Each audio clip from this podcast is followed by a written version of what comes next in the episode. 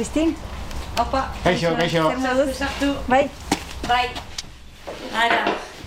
Bakarrik hau astindu eta kitxo. Hemen txongi izango da? Perfecto. Bai, ni jarriko ditut hemen bi mikro eta zuek izentzeko. Kristin Artola voluntarioak atea ireki digu iparraldeko urruña herrian. Mugatik gertu egon arren, mugarik ez duen bere etxean. Hemen urruñan bizi naiz, menditik urbil, mugatik urbil. Euskal Herritik Frantziara pasana duten migranteen errealitate gordinaz jabetuta, akziora pasatzea erabaki dute urruñako, endaiako eta irungo zeinbat herritarrek. Aurreko kapituluan irungo harrera sarea ezagutu genuen, baina lapurdin ere antzeko taldeak daude. E, asko gira hemen inguruan, egunero e, ikusten ditugunak e, bide baztegean etorkinak. Duela bos urte, iparralde etorkinekin taldean sartu zen Kristin, eta arrezkero, bere etxea aterpe bihurtu du. Eta ja hasten da, baitut bi mezu oraindik.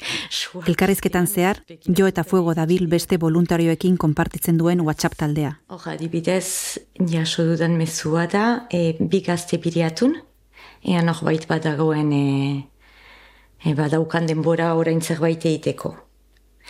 Eta bestalde batetik, beste bi emazte eta bi hau jendaian.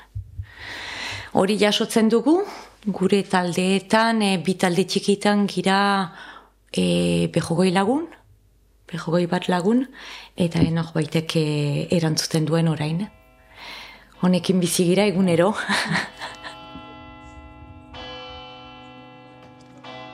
Apa, egunon. Eguerdion. Eguerdion, Bueno, bai. eguerdion. Bueno, hemen ez dakit ja. Ume eta guztitor naiz. Bai, badakigu Ja, pentsatuko bai. Egon gara orain. Ametsar zaiuz bertsolaria endaiarra da, eta egun, Sara herrian bizi da. Antxe elkartu gara berarekin. Larun mendira begira dagoen parke batean. Ametsek ere barru-barruan du muga. Orbantzen ez den zauri baten antzera. Begi esan ni, bon, ni endaiarra naiz, ordun muga ertzean sortu nintzen, e, muga ertzean bizi izan naiz, eta Euskaldun bezala muga hori eraman dut, e, kasi gorputza tal bat edo amputazio bat bezala ez, nere, nere, nere ganta Euskaldunen begitik ikasi dut muga horri begiratzen. Ez hainbeste... Beste Muga hain bere izan arren, bientzat, Kristin eta Ametsentzat, begiratze hutsetik ikustera pasa ziren une bat egon zen. Hasi naiz, bi mila eta amazazpian gutxi gabera, jendea bideetan ikusten.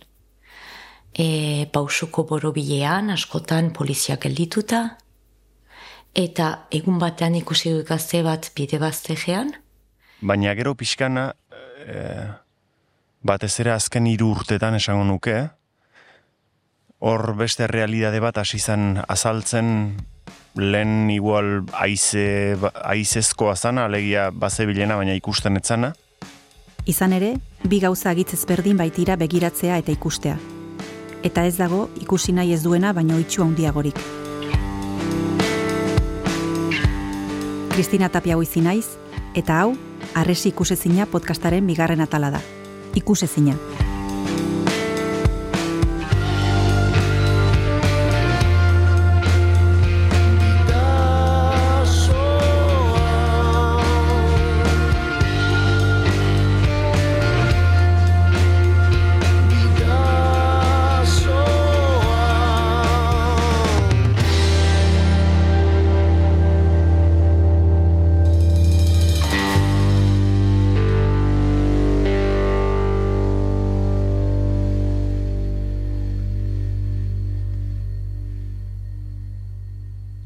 Denok dugu gure lehenbizikoa.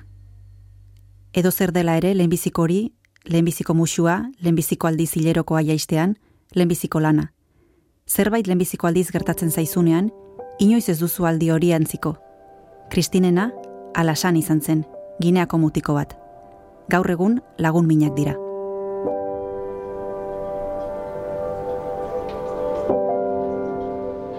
justu lehenago ikusi nituen hiru Afrikar geldituak poliziarekin autobusaren zain e, zirenean, eta segitzen nuen e, autoan, eta ikusten dut piskatu junago bat bakarrik, eta iduriz e, begiratzen, poliziari begiratzen ari, eta eskapatzen ari, gelditu nintzen, eta eskaini nion laguntza.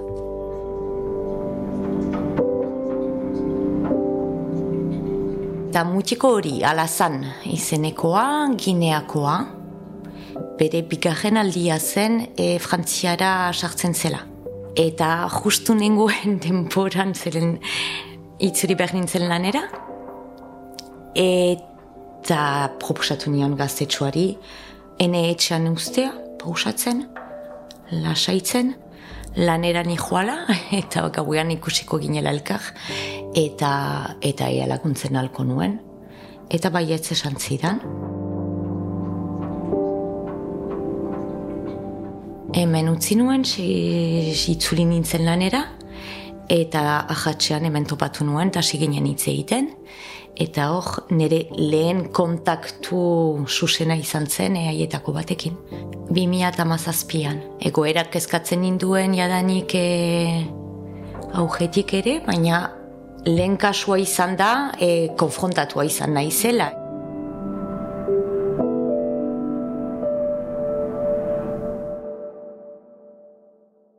Astero, Kristinek bost pasei migrante hartzen ditu bere etxean. Zergatik egiten duen galdetu diogunean, argi eta garbi erantzun du. Ez, ezin da egunero ikusi hola jendea beharrean eta ez egin deus. Asteuntan lagundu ditugu irurogoi, irurogoi lagun. Lagundu esan nahi du, edo e, eraman baionaraino, edo etxe batetik pasa, edo batzutan pixka gehiago, baina... Sukaldetik egongela rustikora pasagara. Lurrean, piztu berria dagoen tximiniaren ondoan, hiruzpalau koltsoi handi daude. Baita migrantei usteko arropaz betetako poltsak ere. E, ger, ber, ber izan ezkero, hemen e, sei pertsonak lo egiten aldute hemen koltsoiek ditugu. E, Zu bakarrik bizi zara? nire bi aujekin, laguntzen naute ere, jendea dagoenean. Luitsi nire alaba handiak e, berak astapenean deitzen ninduen jendea ikusizkero, eta ikasi du nola egin, eta orain deitzen hau esateko, ba ama, e, hiru hartu ditut, e, baionara teramaten ditut orain, eh? edo e, hiru baditut, e, zindut baionara, jo, baionaraino joan, eramaten ditut etxerat.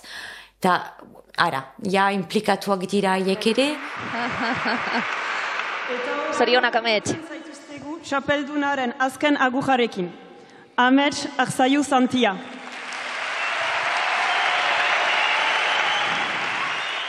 Biriatuko mendira Lore bat eta musu bi 2008 bateko bertso txapelketa irabazi zuenean, honako agurra kantatu zuen ametsar zaiusek. Muga madarikatu bat Ordurako, irungo harrera sareko voluntarioa zen. Izan ere, voluntario gisa ezagutu zuen Ginea Konakriko Ibrahima Balde, eta bere bidaia jaso zuen minan liburuan. Ta mugak bihurtu zubi, bidasoak ez dezala, beste malkorik isuri, Baina hark azaldu digunez, irudi konkretu batek ere eraman zuen amets akziora, flash batek. Ururi, primaderan iru lore, baietza zizibururi.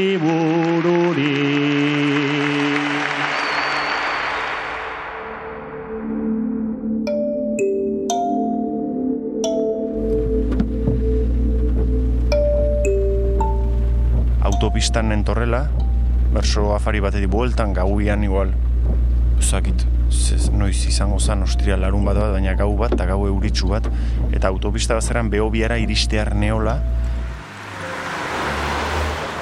gazte batzuk dozena bat edo, motxila txiki batekin autopista bazterretik oinez, eta gaina donostiko norabidean. Intuitu nun norabidez kontra zijoaztela, gaina beren norabide na- natural edo behartuaren kontra.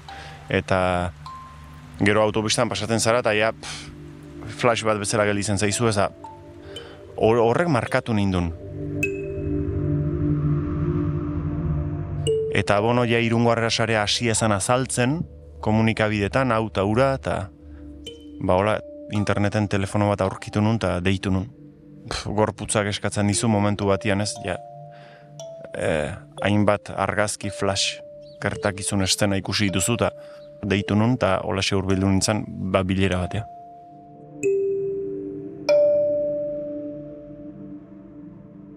Kristinek eta Metxek ikusezina zena ikusi egin zuten. Harrera alkartetan edo beren kaxa laguntzen dabiltzan beste zenbait jendek bezala. Baina gehienentzat ikusezina izaten jarraitzen du. Behar bada daltonikoen kasuan bezala, kolore batzuetara bakarrik gara itxu ordea. Bai, bai, bai, bai. Josune mendigutxi aspalditik irunen biziden lesakarra da. Kaixo. Ba, nekatua. Ez dakit gautxori osoa ingo duten, ze dakat belaunak. Berak ere akziora pasatzeko autua egin zuen. Eta goizean San Juan plazan ez badago, gautxori lanetan dabil guardia egiten azken bere txakurrarekin. Beste voluntarioekin batera, irungo autobus geltokian egoten da, Espainiako hiri ezberdinetatik etorritako migranten zain. Gauerdi ingurua da eta azken autobusean bi lagun etorri dira. Notre conseil, c'est que vous reposez aujourd'hui ici à Nivon, dans la Guarouille, vous passez la nuit, et demain matin, à 10 h de la matin, nous sommes dans la place de la mairie et venez l'information pour traverser, si vous voulez. Pour partir à la France. Oui. Josunek bere kotxean hartu eta gurutze gorriko aterpera eraman ditu. Deskantzatu ahal izateko. Vale, et votre pays, vous êtes guinéen, guinéen Ah, Côte d'Ivoire. Senegal, Côte d'Ivoire, Senegal. Senegal. Ok. Urrengo goizean San Juan plazan, Frantziara pasatzeko behar duten informazioa emango diete irungo harrera sarekoek. Et après, continue avec les pieds blancs jusqu'à la place de la mairie. Eh, nous sommes là-bas, dans la place de la mairie, à 10h00. Ok Allez, venez ici. Bonne nuit.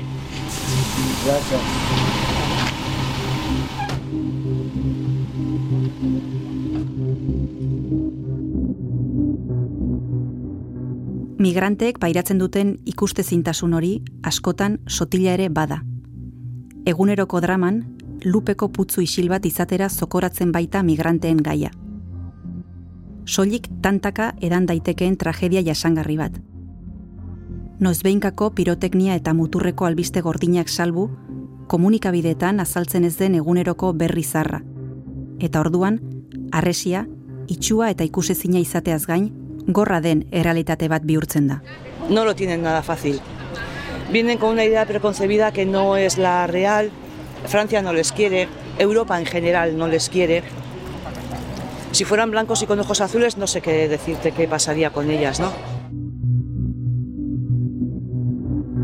Después de la firma de Marruecos con, con el señor Sánchez, eh, la cosa se ha complicado en África, entonces ya no les dejan subir a salir de donde salían, por lo tanto están saliendo de más abajo, por lo tanto la ruta se ha complicado más, es más peligrosa y de hecho ya llevamos casi 90 personas muertas en cosa de dos semanas o una cosa así.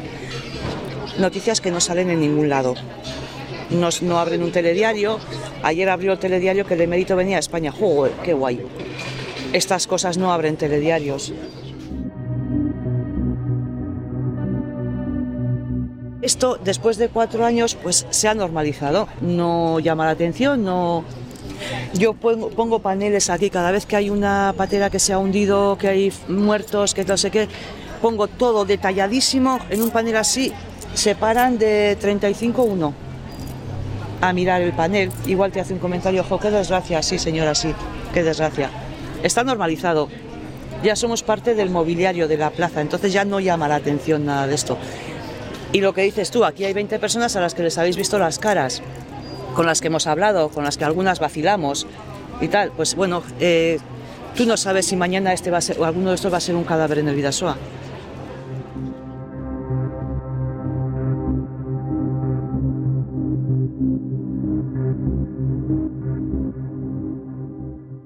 Arresia ikusezina da, naiz eta koloreak ondo bereizten jakin. Itxu bihurtzen gaituelako da ikusezina. Arresia gainera, entzunezina da. Ezin sumatukoa. Soinuak edo isiltasunak gortzen gaituztelako batzuetan. Bidean pasatako saminek erantzunak kamusten dituztelako beste batzuetan. Bale, haste naiz ez? Ni ginean sortu nintzen, baina ez ginea bisaun, ez ekuatore ginean. Bada beste ginea bat konakri duena hiriburutzat. sei herrialderekin egiten du muga. Hiru esango dizkizut. Senegal, Sierra Leona eta Mali. Han gertatu nintzen sortu. Horrela hasten da minan liburua, Amets Arzaiusek Ibrahima Balderekin batera idatzitakoa. Bertsolariak orduak eta orduak eman zituen ginearraren abentura entzuten. Bere herria utzi zuen anaiaren bila joateko, basamortuan bizitza galtzeko zorian egon zen, gaixotasun larria eta indarkeria ezagutu zituen. Esperientzia gogor hartatik liburu ezin ederragoa sortu zen ordea. Naiz eta protagonistarentzat oso zaila izan zen berriz ere dena kontatzea. Ez, ez, ez, bat ere erresa izan niretzat, baina zailena harentzat izan da, noski.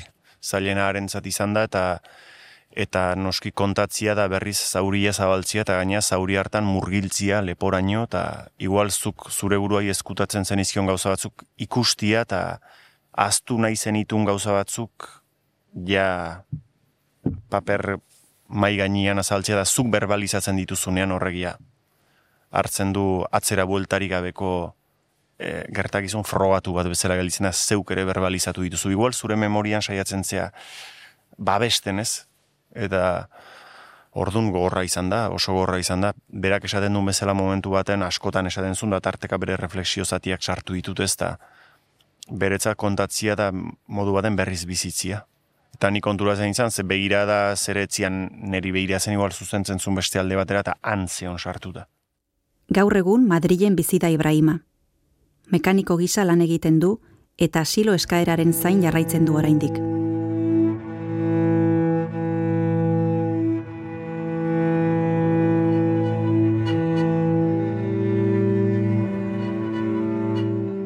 Kristin Artolak entzun eta ikusi egin zuen alasani esker. Bere herritik alde egin zuen mundu hobeago bat ezagutu nahian, baina esperientzia txarrak pilatzen hasi zitzaizkion Algerian eta Marokon. Han, Europara salto egin nahi zuen jendea ezagutu zuen eta zeutako oian batean sei hilabete pasa ondoren iritsi zen azkenik. Espainia, Frantzia, Alemania.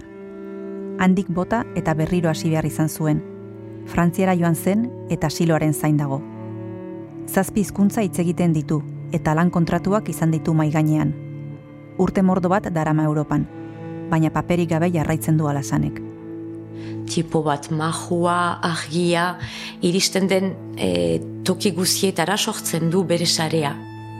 Baina, segidan e, gero joiteko momentua da, eta beste toki batera iristen da, eta behitzten azerotik hasi behar. Esperantza dauka. Esperantza dauka, Ni saiatu naiz berekin hitz egiten eta konbentzitzen hemen e, sautzen aizera bere indahak eta igual bere bizitza. Eta naiz eta oso pobre izan bere egian, ama batula han,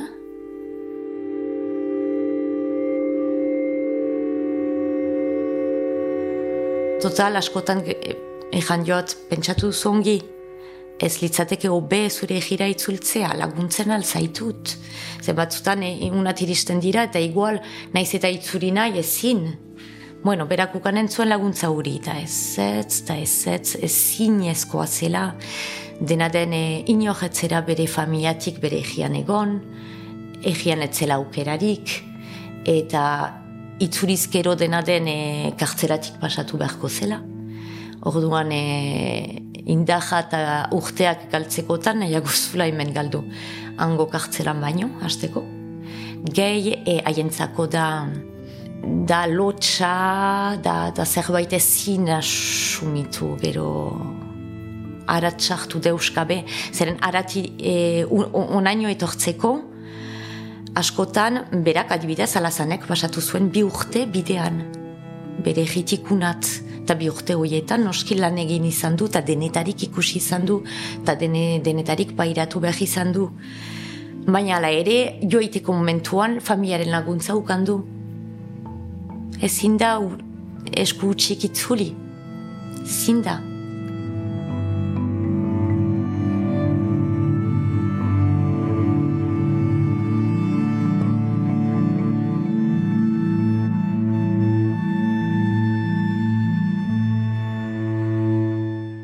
Kristinek, Josunek eta Metxek, norberak bere modura, ikusezina dena ahantzez ezagun lan egiten dute. Behar bada, ikuse zintasuna bera, denak talde bezala hartzetik hasten da. Migranteak dira besterik gabe. Kategoria bat, edo gauza abstraktu bat soilik balitz bezala. Izen eta abizenik gabekoa. Baina haiek izenak eta abizenak ikasi dituzte. Aurpegiak ikusi dituzte.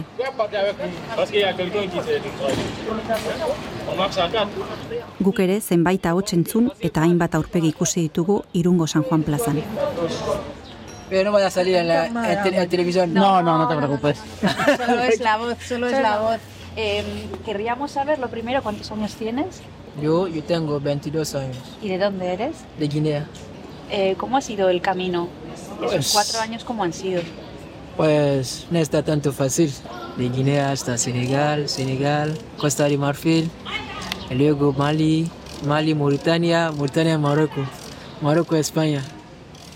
Izena jartzen hasten garenean, izan hartzen du bakoitzaren bizipenak. Bakoitzaren bidaiak eta ametsak.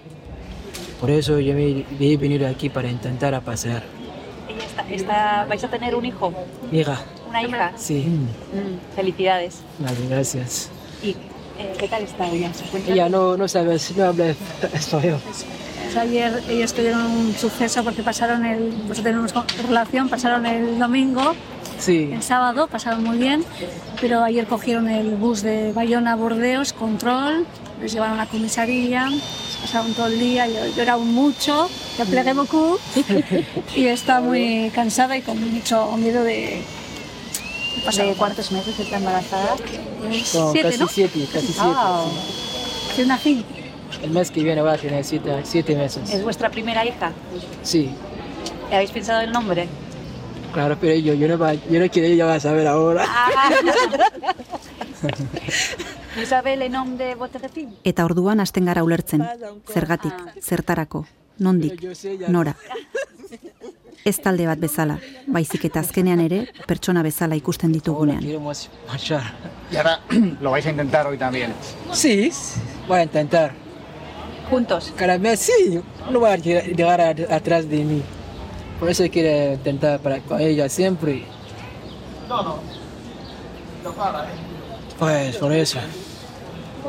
Pues mucha suerte. Vale, gracias. Es que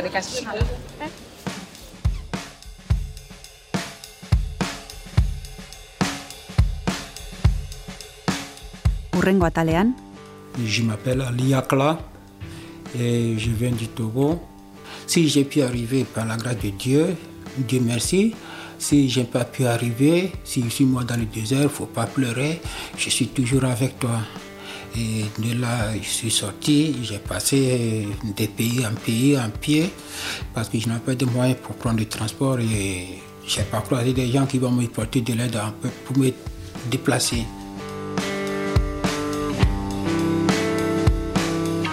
Arresi ikusezina Ulu Mediak EITB podcastentzat egindako serie dokumental bat da, eta Gipuzkoako foru aldundiak diruz lagundu du.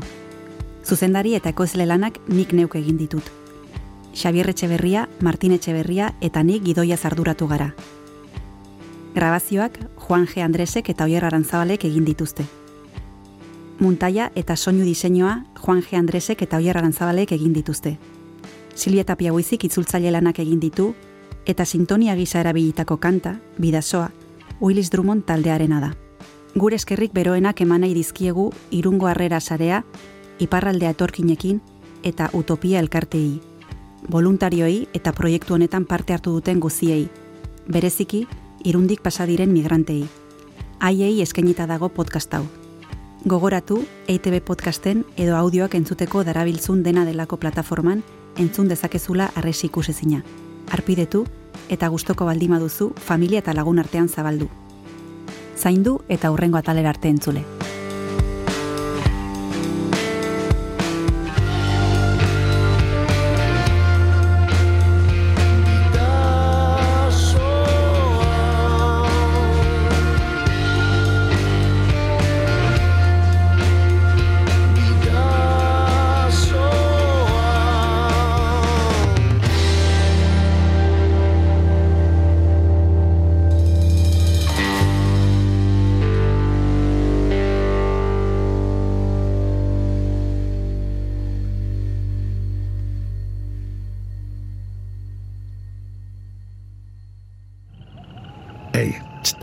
Entzun hori.